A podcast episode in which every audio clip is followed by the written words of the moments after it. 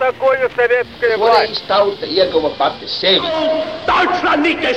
Liktenīgas nejaušības un slēptas likumsakarības, subjektīvas patiesības un objektīvi aizspriedumi. Pēc atpūšņa nekad nenāk uzreiz pavasars, bet sākās arī šodien cilvēki ir ļoti tūredzīgi. Viņi redz to naudu, kas ir televīzijā, jau pamatā notiek cīņa par vārdu. Pagātne no šodienas skatu punkta un šodienas caur pagātnes prizmu. Raidījumā šīs dienas acīm. Katru svētdienu Latvijas radio eterā Eduards Liniņš. Labdien, cienījamie klausītāji!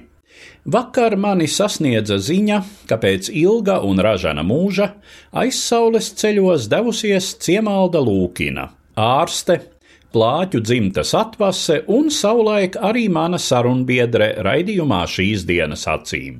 Mūža nogalē Ciemaldas kundzes nozīmīga misija bija dzimtas vēstures apkopošana un aktualizēšana, publicējot sava tēva, ārsta un politieslodzītā Ernesta Plāķa un vecā tēva, valodnieka un staļinisko represiju upura Jūra Plāķa atmiņas.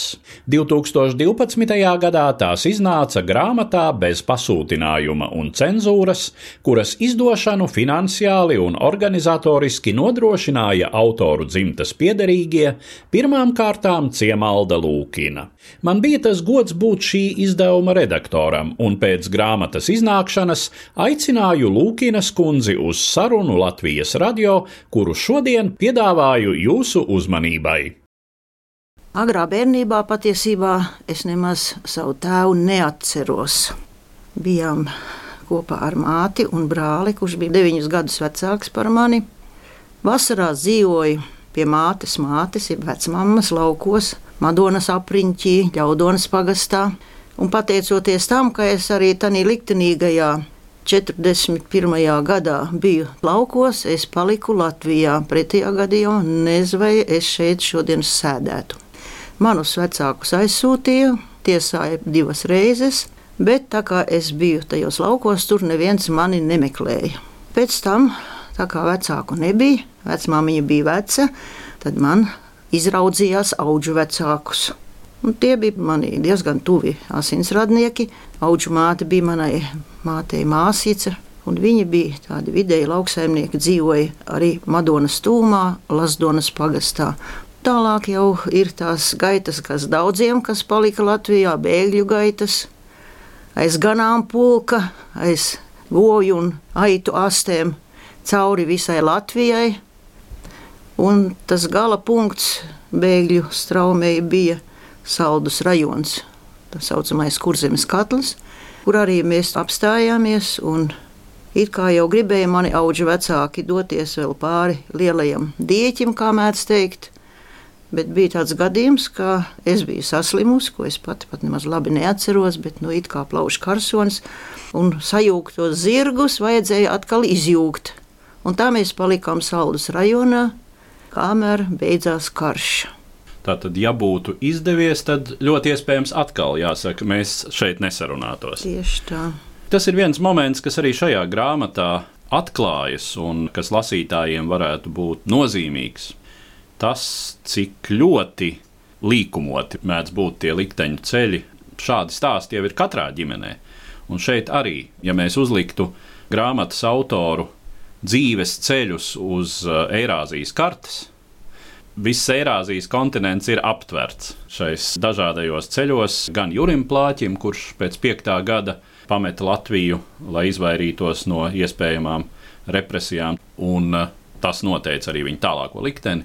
Studijas Kazaņas Universitātē, valodnieka karjeru, un, uh, protams, arī viņa dēls Ernests, pilsoņu karš Krievijā, brauciens apkārt Eirāzijas kontinentam ar imantas pulku ar latviešiem, kuri nonāca Krievijas pilsoņu kara laikā Sibīrijā. Tas viss ir bezgala interesanti.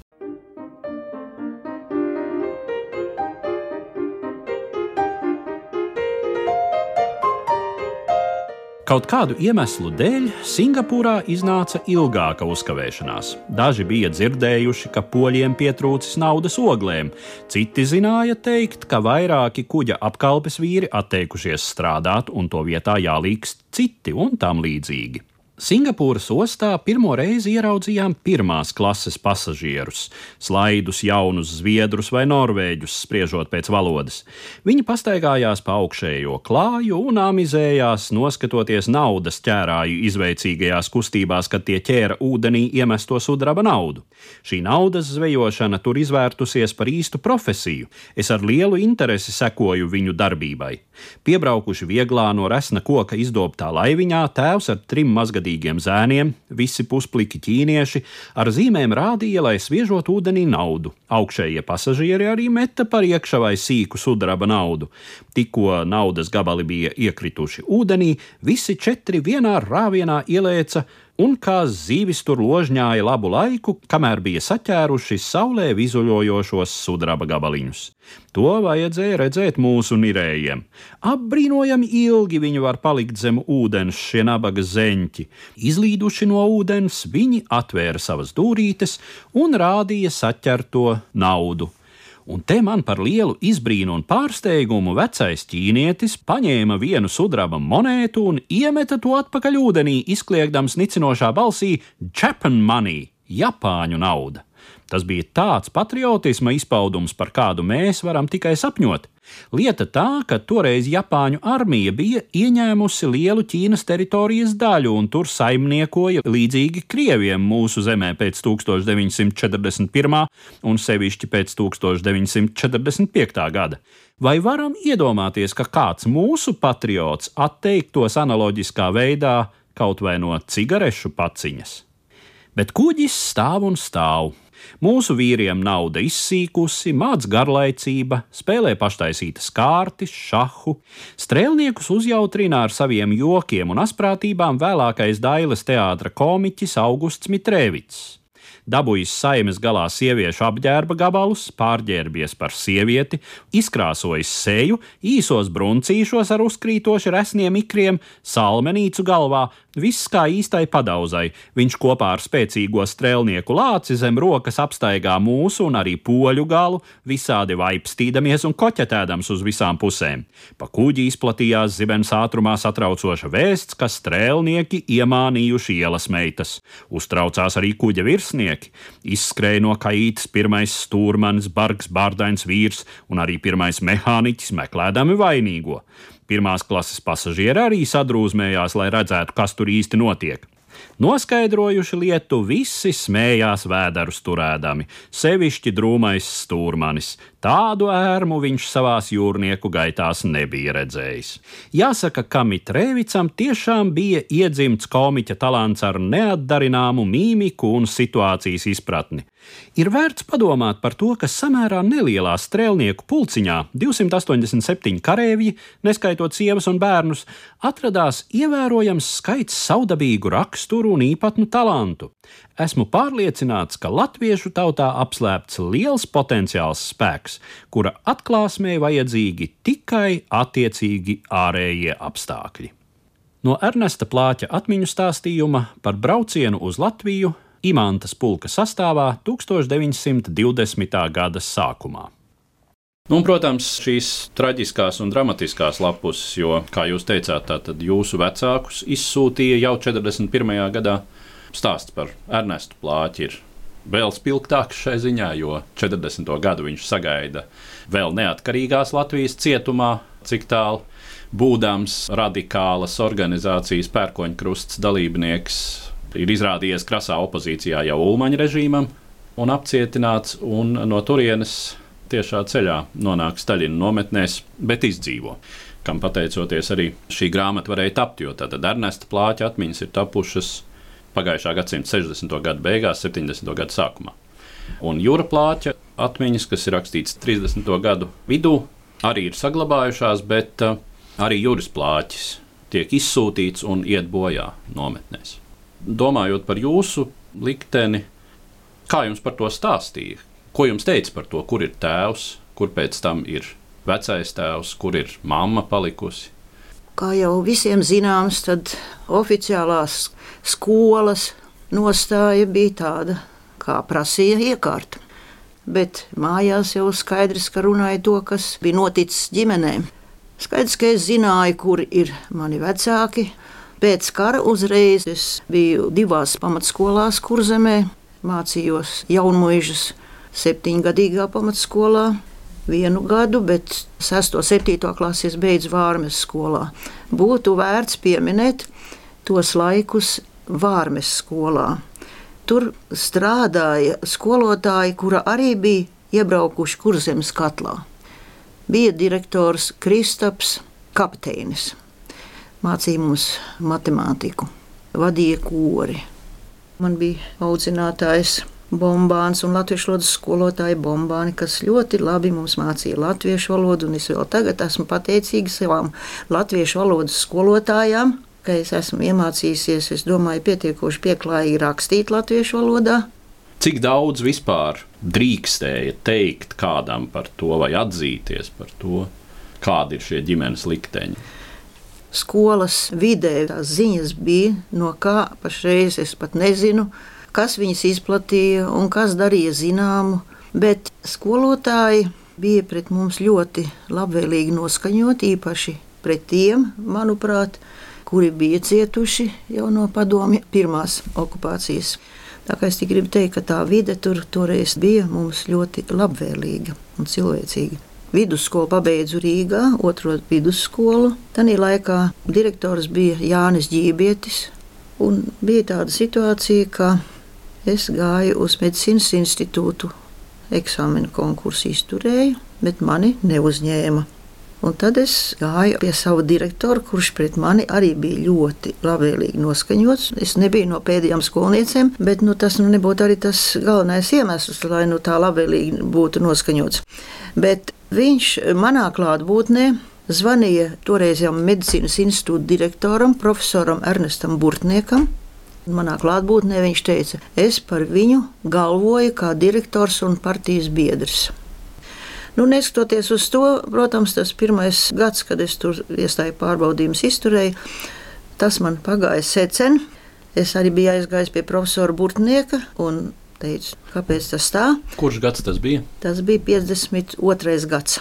Un viņš man ar pirkstu dūra krūtīs un teica, nu brauciet uz Baltkrieviju studēt, uz Vitebsku. Šeit taču katrs ap pirkstu rādīs uz jums. Es domāju, kāpēc sekmes man ir labas, kāpēc lai uz mani rādītu ar pirkstu, bet nu, tāda bija viņa atrunāšanās. Tad direktors Ģībietis man ieteica rakstīt vēstuli Vilim Lācim un viņa vietniekam Girgensonam. Un Lūtanī savā lūgumrakstā es tiku citējusi Staļinu, starp citu, ka vajag jaunietim mācīties to profesiju, kura viņam interesē, jo tad viņa darbs būs ļoti auglīgs.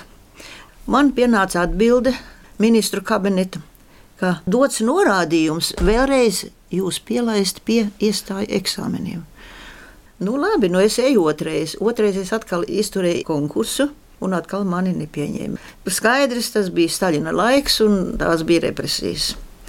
Tad pienāca jau 54. gads, kad mūsu tautu tētiņš jau bija aizgājis viņa saulē. Es jau biju tā sarūktināta, ka es nolēmu neiešu vairs uz medicīnu, kaut gan man medicīna ļoti vilināja es nolēmu, mēģināšu iet, mācīties kaut ko pa muzikas līniju, jo mūzika man vienmēr ļoti saistījusi, un es jau biju vidusskolas laikā mācījusies vakara muzikas skolā. Bet tad bija man viena skolas biedrene no otrās vidusskolas, kura arī gāja atkārtoti uz medicīnas institūtu, un mani pierunāja, vajag iet vēl trešo reizi. Nolika eksāmenis un izturēja konkursu un iekļuva 54. gada rudenī. Jūsu māte atgriezās Viņa atgriezās pirmo reizi 48. gadā. Nu, un 50. gadā mans tēvs atbrauca, tad viņš jau bija jau izcietis savu sodu, astoņus gadus.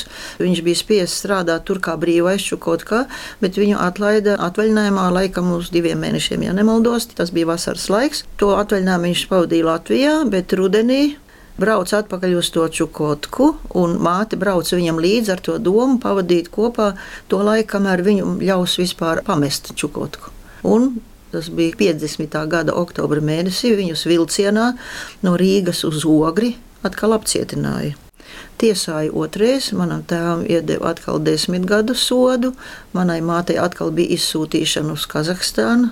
Tur gan viņa strādāja par vācu valodas skolotāju. Pirmo reizi viņa strādāja par teļkopēju, un tur viņai palīdzēja izdzīvot vaipienas, kas bija jāizbaro teļiem, un varēja arī pat nodzirties. Nu, otrais tad jau viņai tas status bija jau viņa augstāks par vācu valodas skolotāju kazahu bērniem. Un es pat nezināju, kas viņiem noticis, jo nekādas ziņas te bija. Es gāju uz čeku un jautāju, tad man teica, ka tēvs ir atkal cietumā, un māte arī cietumā. Tad es sāku viņus tur apmeklēt cietumā, kādus pienesumus aiznesu arī. Un tikšanos dabūju arī viņiem. Cik jums bija to brīdi gadu? 18. Pilnīgi jūs vecāki atgriezās Hruščova atkušņa laikā? 55. gada laikam sākumā Es mācījos pirmajā kursā, un mans tēvs man palīdzēja mācīties latīņu valodu. Jo viņš no saviem tālajiem studiju gadiem labi zināja vēl latīņu valodu. Māte nevarēja dabūt darbu, bet ar tēvu bija tā, ka viņš tomēr strādāja bērnu namā.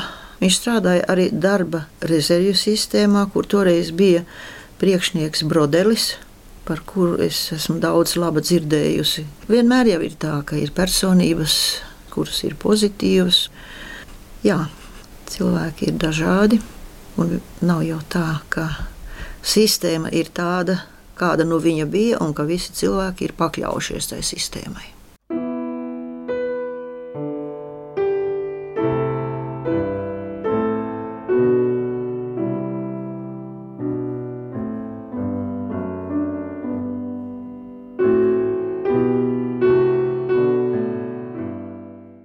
Pienāca diena, kad manas lietas izmeklēšana bija pabeigta.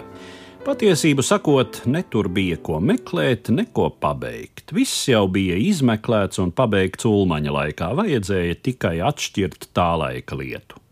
To čekisti arī bija darījuši pēc viņu jautājumiem, tas bija skaidri noprotams. Manu lietu par jaunu izmeklēja, lai kaut formāli būtu pamats paturēt mani ieslodzījumā kā gan tādu fašistu, lai atstātu uz brīvām kājām, kas tik spītīgi bija izturējies agrākās tiesāšanas laikā 1937. gadā. Izbeidzās sēdēšana viennīcā, mani pārveda uz kopējo kameru 4. korpusa augšstāvā. Kamera bija bāstina piebāzta, gulta pie gultas, cilvēks pie cilvēka. Brīvas vietas ļoti maz. Kameras vidū divi vai trīs gari galdi, cits cita galā, ap tiem gari soli. Tik bija brīvas vietas kā starp soliem un galdu galiem. Ieslodzīto sastāvs bija visai raips. Noskaņojums visumā bija drūms. Visi skaidri apzinājās, ko esam zaudējuši Krievu karaspēkam ienākot un komunistiem sagrābjot varu ko tik liekuļoti un skaļi izdaudzināja par tautas sacelšanos pret pastāvošo fašistisko ulmaņa diktatūru, respektīvi par revolūciju, kamēr sacelšanos un revolūciju nebija nekā kopīga. Negaidīta satikšanās iznāca ar tiesnesi Jēgeru, kas otrajā prāvā mani tiesāja un piesprieda sešus gadus spaidu darbos. Es jau biju kādas dienas kamerā pavadījis, kad viņu kopā ar dažiem citiem pārveda pie mums. Sākumā viņš mani neievēroja, kamēr vēl sarunājās cits caur citu, staigāja, grūstījās, smēķēja vai arī sēdēja pie vidū saliktajiem galdiem. Domāju, kā man uzvesties.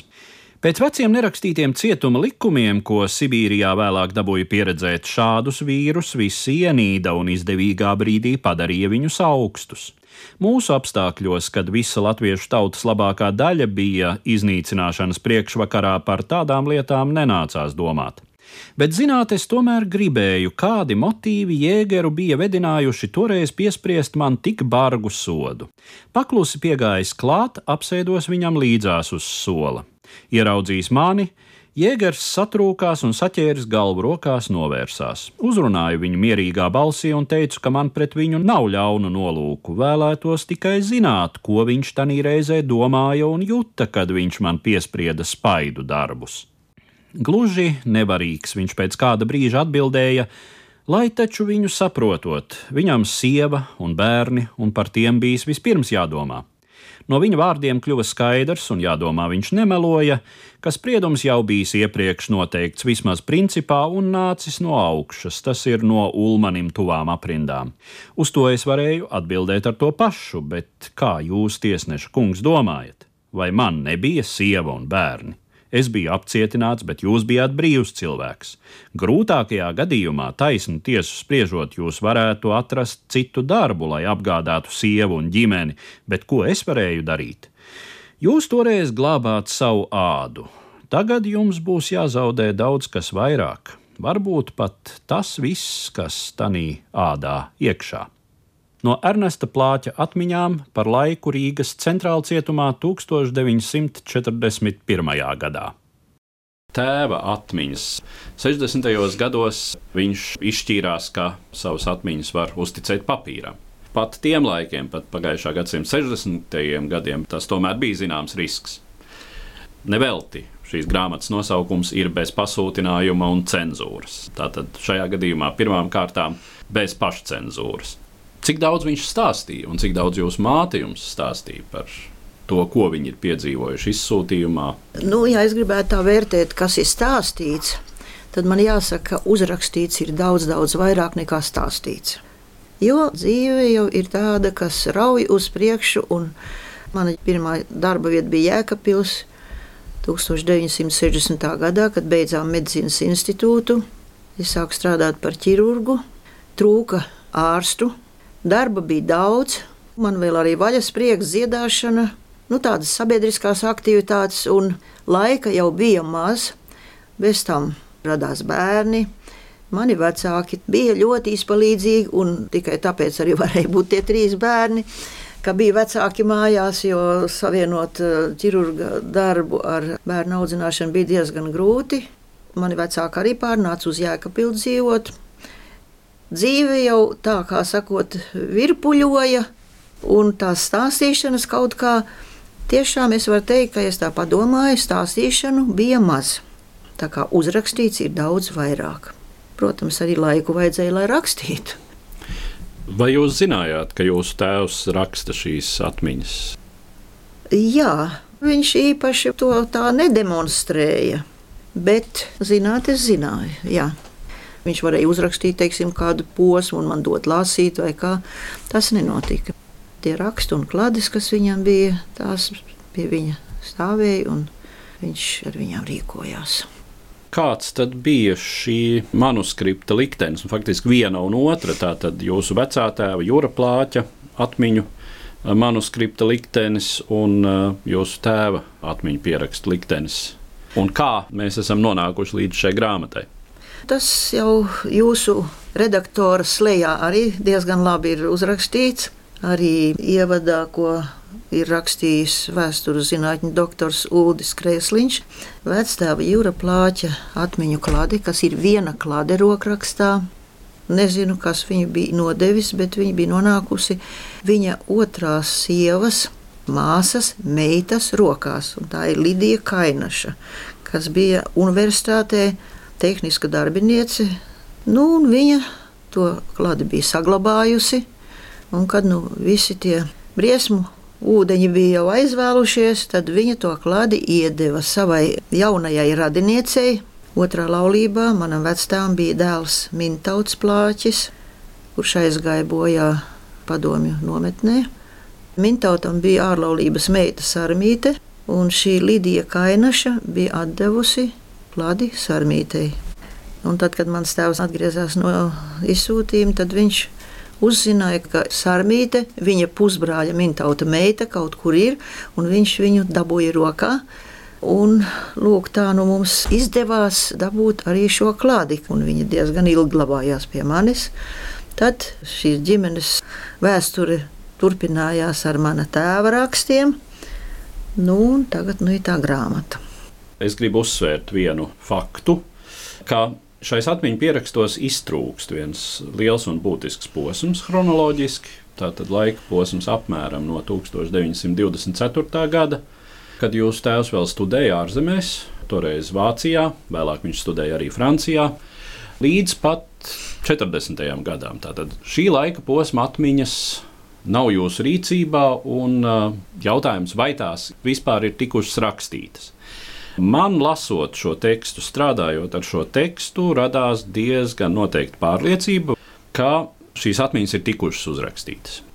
Kā es to situāciju domāju, klādes ir tikušas visdrīzāk 80. gadu otrajā pusē dotas lasīt arī ārpus ģimenes, Man ir ļoti lielas aizdomas, ka šīs atmiņu klades vienkārši ir noklīdušas. Ir vēl viena epizode ar vienu atmiņu kladi, kas arī bija aizklīdusi no ģimenes projām, un eh, gandrīz vai laimīgas nejaušības dēļ tomēr pēc tam atradās. Tā viena klāte, par kuru jūs minējāt, kura bija pazudusi un kura laimīgā kārtā atradās Dobeles rajonā, pateicoties tādai personai, kuru sauc Ausma Drēviņa ko es esmu ar pateicību pieminējusi arī grāmatas sākumā. Viena klāte bija dota kaut kam lasīt, un viņa nejauši atradās pie ausmas drēviņas, un viņa bija tik asprātīga, ka caur Latvijas avīzi sameklēja plāķu dzimtas piedarīgos. Un paldies Latvijas avīzei un žurnālistei Rītai Ruskai. Noslēdzot mūsu sarunu, kas jums lika izšķirties par šo atmiņu izdošanu, kas nebūtu nav vienkāršs uzdevums un kas nav arī lēts prieks, jo šī grāmata ir tapusi ieguldot ģimenes līdzekļus. Rosinātāju izdot grāmatu man ir bijis diezgan daudz no tiem cilvēkiem, kas pazina manu tēvu. Protams, vectēvs jau vairs nav personīgi pazīstams šo laiku cilvēkiem. Un tad, kad jau es arī sāku varbūt brīvāk izteikties par to, ka man ir tādas atmiņu klādes un ka tēvs ir rakstījis savas atmiņas. Man ir bijuši neviens no manas profesijas pārstāvjiem, no ģimenes draugiem un radiem, ka ļoti vajadzētu publicēt šīs atmiņas. Man pašai arī ir bijusi tāda pārliecība, ka ja šie cilvēki rakstīja, tad varbūt tomēr viņi arī domāja, ka viņi vēlas atstāt nākošām paudzēm to, ko viņi ir piedzīvojuši un pieredzējuši. Un tas tiešām nav tik maz. Tas, kā mans vectēvs ir neatlaidīgi cīnījies par izglītību, tas ir viens liels paraugs. Es domāju, ka tagad diezgan grūti atrast tādu gribas spēku un neatlaidību. Viss kaut kā nāk vieglāk nekā viņam 13. savas dzimtas pēctecim. Arī tas, ko mans tēvs ir pieredzējis, protams, viena daļa ir tā viņa jaunības romantika, par cerēšanos ar nākošo dzīves biedru un tam līdzīgi, un lauku ainavas. Es zinu to situāciju un zinu tās vietas, ko viņš ir aprakstījis, un tos cilvēkus nevienu vienu. Jā, grāmatu varēja izdot pateicoties tam, ka man bija īpašumā no mātes puses zeme. Es viņu pārdevu un tapa grāmata. Grāmata nav domāta kā komerc izdevums, bet lai saglabātu savu senču piemiņu, kas varētu būt ļoti labs paraugs jauniem cilvēkiem, arī maniem bērniem, bērnu bērniem. Man arī ieteica, nevajadzētu jau drukāt grāmatu, varētu to elektroniskā veidā. Tagad jau grāmatas drukā tikai ļoti bagāti cilvēki. Es nevaru apgalvot, ka es esmu ļoti bagāts cilvēks, bet man tomēr likās, ka tas, kas ir manā rīcībā, tas bija mantotā zeme, ka es tos līdzekļus par zemi ieguldīšu grāmatas izdošanā, ka tas būs daudz vērtīgāk nekā ja varbūt es kaut kur citur viņu izlietošu. Visnotaļ varu teikt, ka jums ir taisnība, jo šī grāmata ir ļoti vērtīga kā spilgts vēstījums par to, kāds ir bijis šo cilvēku liktenis, caur kuru parādās visas mūsu nācijas un zemes likteņi. Tādā ziņā man jāsaka, tā ir liela dāvana, kur jūs esat pasniegusi visiem, kurus interesē Latvijas vēsture, un par to es gribu jums teikt paldies. Lai lasītāji ņem par labu. Par šo sarunu es saku paldies valodnieka Jūra Plāča mazmeitai, ārsta Ernesta Plāča meitai un grāmatas bez pasūtinājuma un cenzūras izdevējai Ciemaldai Lūkins kundzei. Paldies! Šī bija saruna, kas pirmoreiz izskanēja ēterā 2012. gadā. Vakar, 10. aprīlī, noslēdzās Ciemaldas Lūkinas kundzes dzīves gājums. Vēlot gaišu aizsaules ceļu un izsakot patiesu līdzjūtību tuviniekiem, no jums šodien atvados. Uz redzēšanos, cienījamie klausītāji! Katru svētdienu Latvijas radio viens par pagātni sarunājas Eduards Līniju.